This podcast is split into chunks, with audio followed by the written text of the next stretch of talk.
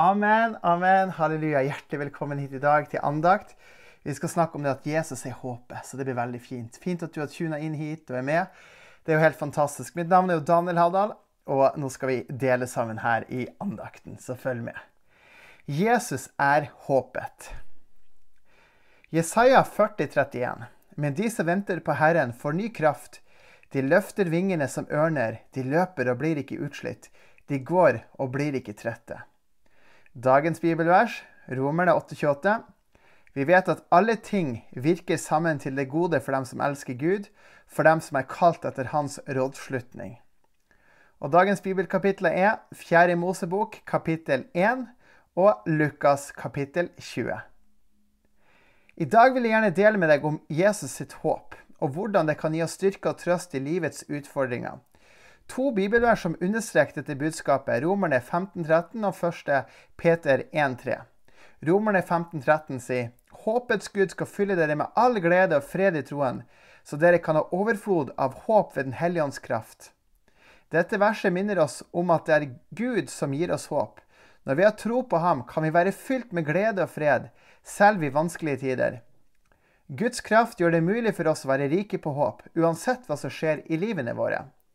1. Peter 1,3 sier Lovet være Gud, vår Herre Jesu Kristi Far, Han som i sin rike miskunn har født oss på ny til et levende håp ved Jesu Kristi oppstandelse fra de døde.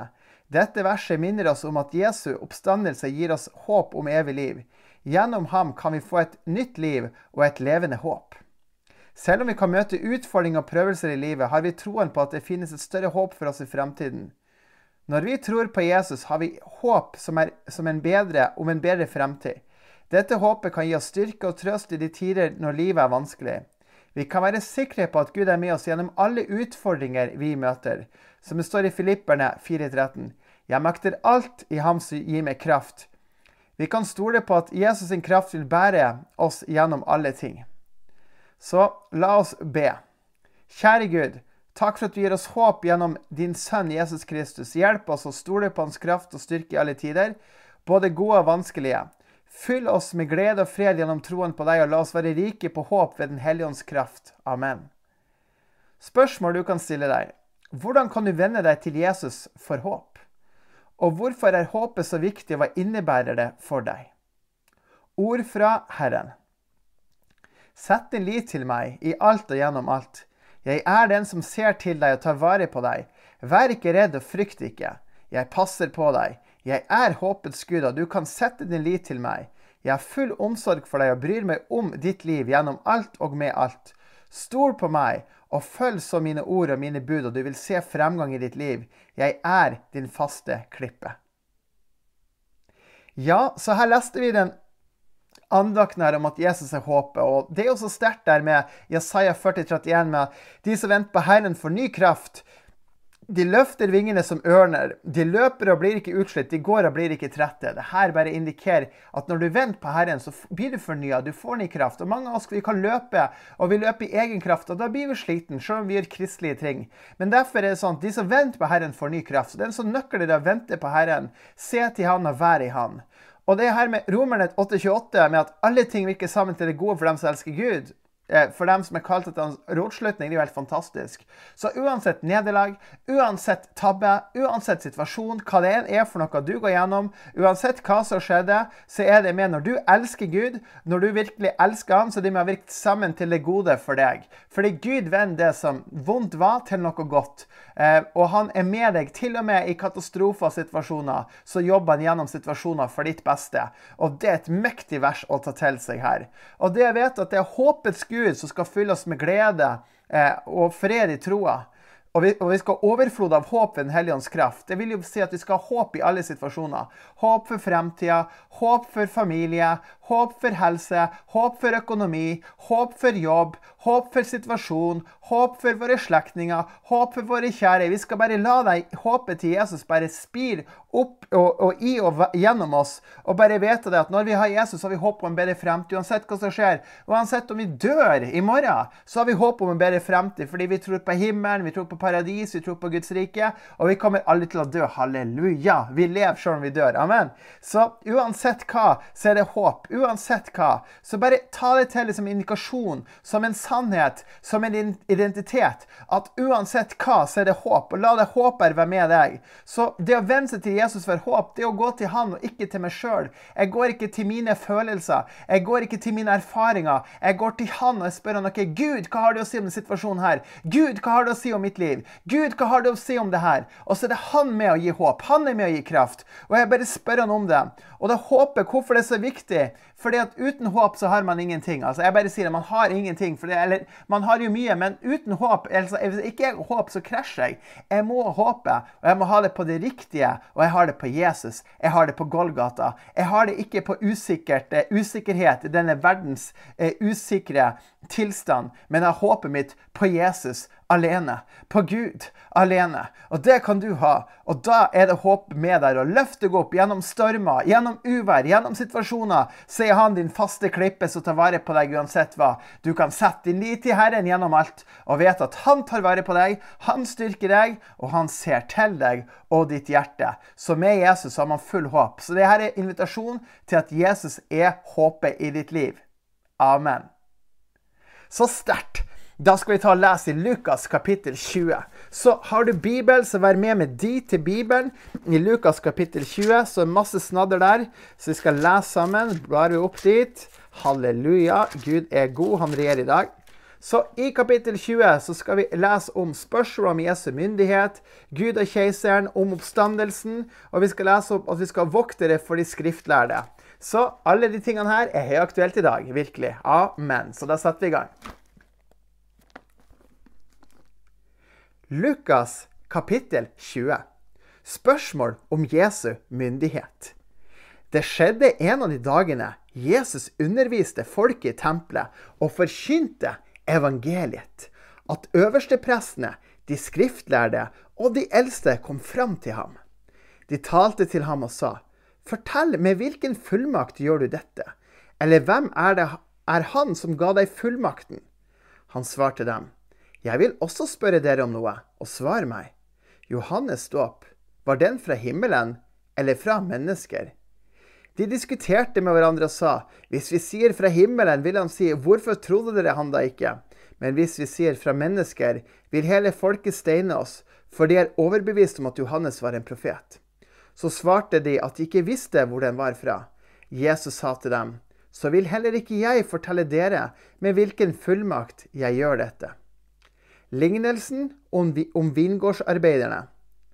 Han fortalte folket denne lignelsen. En mann plantet en vingård, leide den ut til vingårdsarbeidere og dro for en lengre tid til et land langt borte.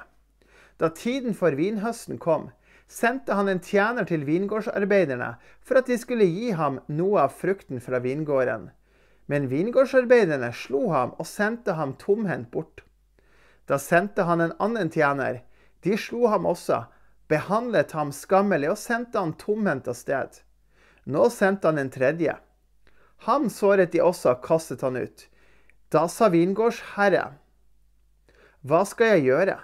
Jeg vil sende min elskede sønn. Han vil de da vel ha respekt for når de ser ham. Men da, men da vingårdsarbeiderne så ham, rådslo de seg imellom og sa, Dette er arvingen. Kom, la oss drepe ham så arven kan bli vår. Så kastet de ham ut av vingården og drepte ham. Hva skal vingårdens herre så gjøre med dem? Han skal komme og utrydde disse vingårdsarbeiderne og gi vingården til de andre. Da de hørte det, sa de, Nei, det må aldri skje. Da så han på dem og sa, Hva betyr da dette som står skrevet? Steinen som bygningsmennene forkastet, er blitt hovedhjørnesteinen. Hver den som faller på den steinen, skal bli knust, men den steinen faller på, skal smuldres til støv. Samtidig forsøkte øversteprestene og de skriftlærde å legge hånd på ham, men de fryktet for folket, for de visste at det var dem han hadde omtalt i denne lignelsen. Gud og keiseren. De holdt øye med Jesus og sendte noen hyklerske mennesker som ga seg ut for å være rettferdige. Disse skulle lure på ham for å fange ham i ord. På den måten kunne de overgi ham til landshøvdingens makt og myndighet. De spurte ham, 'Mester, Vi vet at du taler og lærer rett, og du gjør ikke forskjell på folk, men lærer Guds vei i sannhet. Er det tillatt for oss å betale skatt til keiseren, eller ikke? Han gjennomskuet deres list og svarte, Hvorfor frister dere meg? Vis meg en denar. Hvem er det bilde av, og hvem er det innskriften tilhører? De svarte, Keiseren. Han sa til dem, Gi så keiseren hva keiseren er, og Gud hva Guds er. De klarte ikke å fange ham i ord i påhør av folket. De undret seg over svarene hans og tidde. Om oppstandelsen. Deretter kom noen av sadukerene til ham. Det er de som fornekter at det er noen oppstandelse, og de spurte, Mester, Moses har forskrevet at hvis en mann, bror, dør barnløs, og broren har en kone, skal hans bror gifte seg med enken og gi sin bror etterkommere. Nå var det sju brødre. Den første tok seg en kone og døde uten barn, og den andre tok henne til kone, og også han døde barnløs. Så tok den tredje henne, og det gikk likedan med alle sju. Men de etterlot seg ingen barn da de døde. Sist av alle døde kvinnen. Hvem blir hun kone til i oppstandelsen?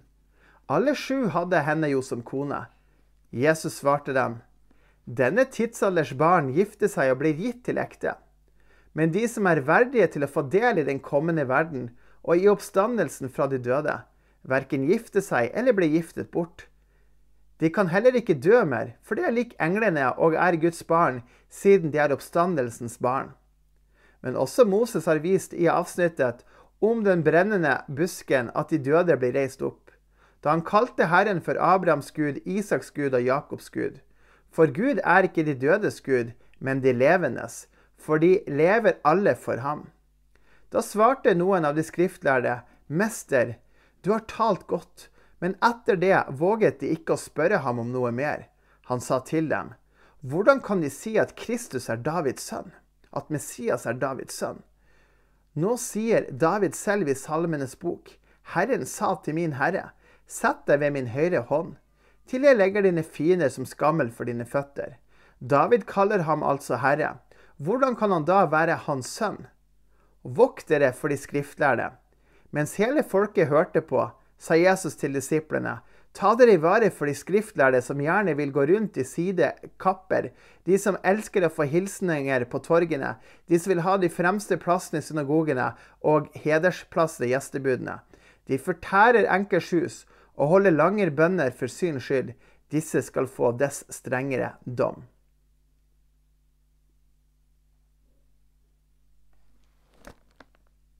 Amen. Da leste vi her i Lukas kapittel 20, og det er jo mektig. Så i forhold til det med Jesus' myndighet De kom liksom og spurte har du myndighet til, til det her og til det du gjør. Og Jesus visste jo at han hadde myndighet, men jeg vet at de, sånn så ut fra Skriften at de ville ta han for noe. Og Da svarte Jesus dem veldig genialt i forhold til Johannes dåp. Var den fra himmelen, fra mennesker?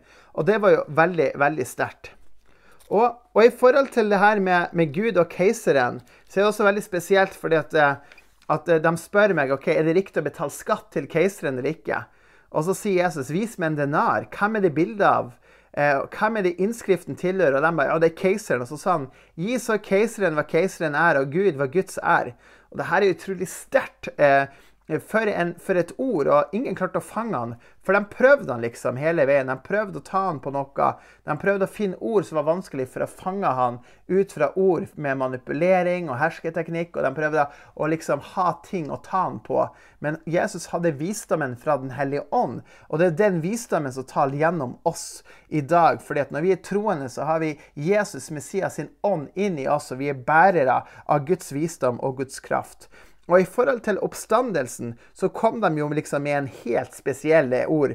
At det var sju brødre. Den første tok seg kone og døde uten barn. Og den andre tok henne. Alle sammen eh, tok henne. Og ingen fikk unger med henne. Og så døde de alle. Og så døde hun. Og så var det sånn OK, de står opp igjen fra de døde. Hvem er hun gift med? Og, for, liksom, og, og Jesus bare sånn her han eh, Jesus bare sier denne tidsalderens barn gifter seg og blir gitt til ekte, men de som er verdige til å få del i den kommende verden og oppstandelsen fra de døde, verken gifter seg eller blir giftet bort. Eh, de kan heller ikke dø mer, for de er lik englene og er barn, siden de er oppstandelsens barn. Og det her er jo bare så sterkt. Så Jesus han sier at de som er verdt til å få del i den kommende verden og i oppstandelsen fra de døde, skal aldri dø. Men er som, som engler, liksom. De er jo der. Ja, det er ikke sånn at du, at du er gifta i forhold til i himmelen, da. Eh, sånn som Jesus her, at du blir gifta bort osv. Du, er, du er fri. Eh, du, det er jo sånn i et ekteskap til døden skiller dere. Og i, og Jesus uh, kommer vi til han, og vi tilhører han. Og jeg tror absolutt at vi kjenner våre kjære igjen i himmelen, at vi ser dem av kontakt og kan være sammen. Men det er ikke sånn at man da er, er gift i den forstand i himmelen, sånn som jeg forstår skriftene her. Og det er jo egentlig fint, det. Jeg tenker sikkert mange som tenker at å, Kanskje noen er fanga i et ekteskap, og så tenker de å, jeg håper at, eh, at det tar slutt en gang. Jeg vet ikke. Noen kan jo være det, og da vet de OK, når de da i neste liv, i, i neste tidsalder, så er de fri, da. Da er de liksom single igjen, da, på den måten der. At de er som eh, lik englene, og de er Guds barn. Og det er jo klart at Andre er jo i et kjempegodt forhold på jorda og er godt gift og trives og tenker å, jeg får ikke være gift i himmelen i det evige liv osv. Og, og sånn som man leste i skriftene her, så er det jo sånn at, um, at vi er gift i så fall. Hvis man velger å gifte seg, så gjelder jo det her på jorda. Og i evigheten så sier Jesus veldig tydelig at, uh, at man er lik englene og Guds barn. Og, og så sier han, sier han, her at i oppstandelsen så er det verken gifter seg eller blir giftet bort. Så um, vi tilhører Jesus. Og så snakker han òg veldig sterkt her i forhold til det å vokse fra de skriftlærde og vokte seg fra dem. For det er så mye de sier, de skriftlærde, som er sånn som kan være negativt. Og, og, og, og, det er litt sånn OK, hvem er det som gjelder i dag? Så da kan du ta det i vare til. Hvem er det du ser som går i kappe? Hvem er det som elsker å være i kanskje kirkebygg eller synagoger, eller vil ha de fremste plassene og vil ha ære? og de og de lager lenge bønner bare for at de skal synes, liksom.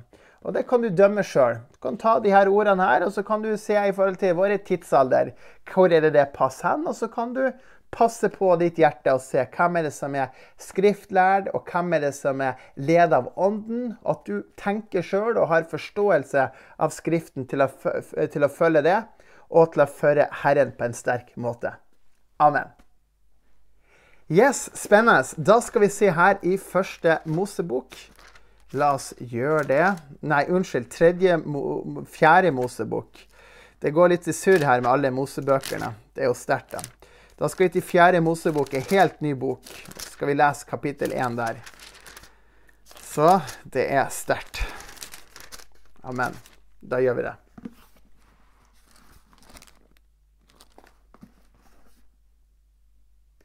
Fjerde Mosebok, kapittel 1.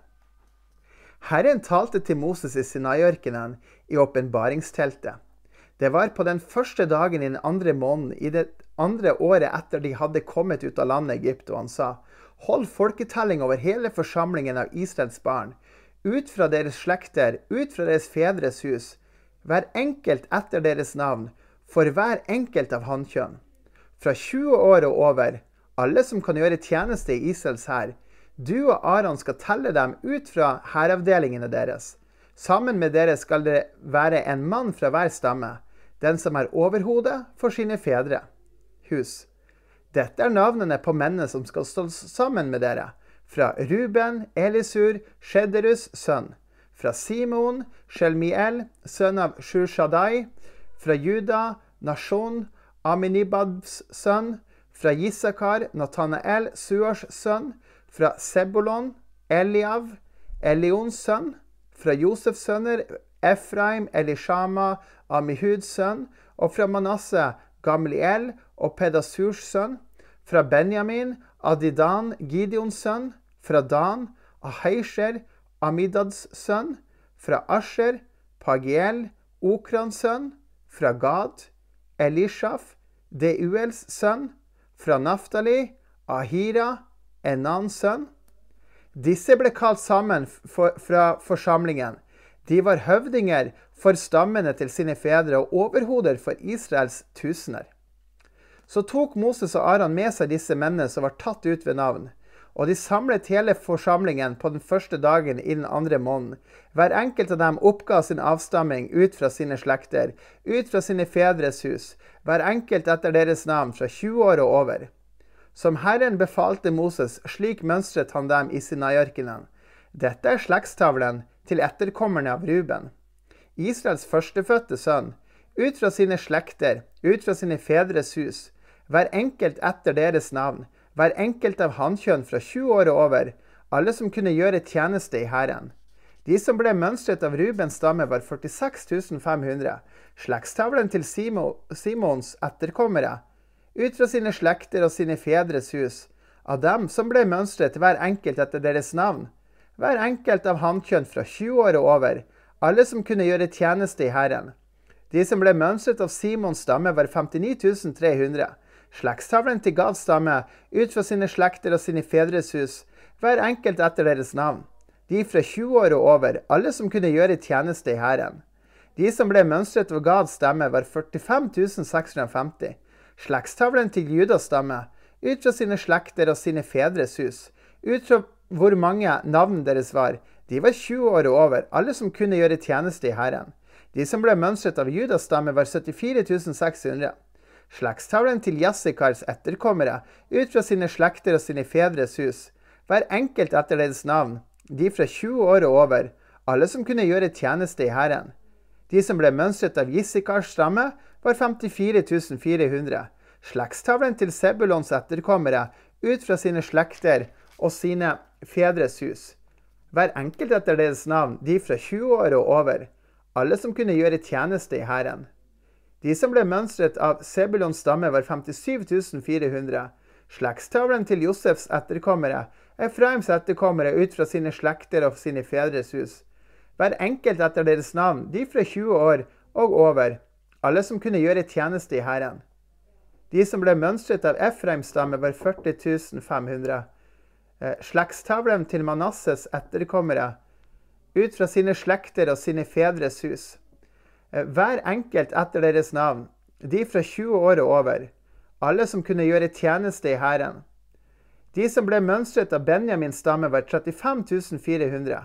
Slektstavlen til Dans etterkommere, ut fra sine slekter og sine fedres eh, hus, hver enkelt etter deres navn, de fra 20 år og over, alle som kunne gjøre tjeneste i hæren. De som ble mønstret av Dans stamme, var 62 700 og slektstavlen til Asiers etterkommere ut fra sine slekter og sine fedres hus, hver enkelt etter deres navn, de fra 20 år og over, alle som kunne gjøre tjeneste i Hæren. De som ble mønstret av Asiers stamme, var 41 500. Slektstavlen til Naftalis etterkommere ut fra sine slekter og sine fedres hus, hver enkelt etter deres navn, de fra 20 år og over, alle som kunne gjøre tjeneste i Herren. De som ble mønstret av Naftalis stamme, 53 400. Dette er de som ble mønstret som Moses og Aron mønstret, sammen med høvdingen i Israel, tolv menn som hver enkelt representerte sine fedres hus. Alle som ble mønstret av Israels barn fra sine fedres hus, de fra 20 år og over, alle som kunne gjøre tjeneste i Herren Israel. Alle som ble mønstret, var 603 550. Eh, men levitene ble ikke mønstret blant dem ut fra sine fedres. For Herren hadde talt til Moses og sagt, bare levestamme skal du ikke mønstre og ikke holde folketelling over sammen med Israels barn. Men du skal sette levitene til å føre tilsyn med vitnesbyrdenes tabernakel og hele innredningen som er i det, over alt det som hører her til det de skal bære tabernaklet og hele innredningen til det. De skal gjøre tjeneste der og, og slå leir rundt tabernaklet. Når tabernaklet skal være med dere, skal levitene ta det ned. Og når tabernakelet skal settes opp, skal levitene reise det. En fremmed som kommer i nærheten, skal dø. Israels barn skal slå opp teltene sine, være i sin egen leir og under sitt eget banner, etter sine egne hæravdelinger. Men levitene skal slå leir rundt vitnesbyrdets tabernakel, så ikke vreden skal komme over Israels barns menighet. Levitene skal ha ansvaret for vitnesbyrdets tabernakel. Slik gjorde Israels barn alt det Herren befalte Moses, gjorde de. Amen. Takk for at du så på. Gud velsigne deg. Vi ses.